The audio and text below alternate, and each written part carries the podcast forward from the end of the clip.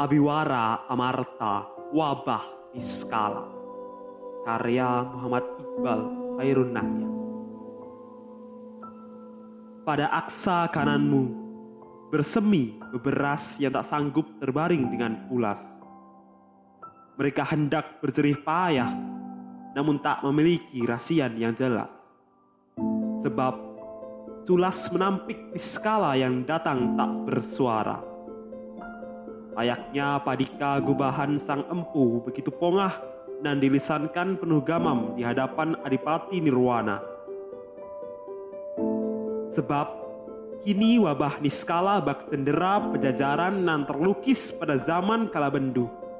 Mencipta keheningan para abdu yang kini saling beradu.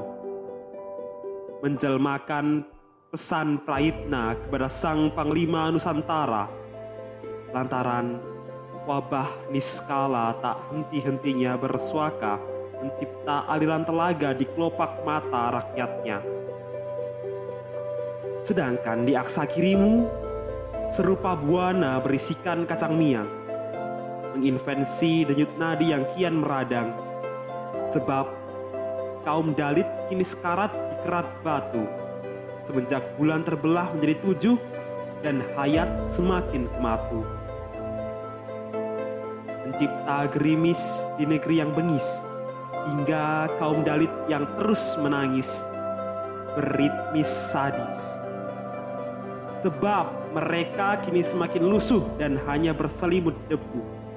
Alhasil, melahirkan satu pinta prasaja yang didamba, yakni Buana tak lagi berpayoda kelabu.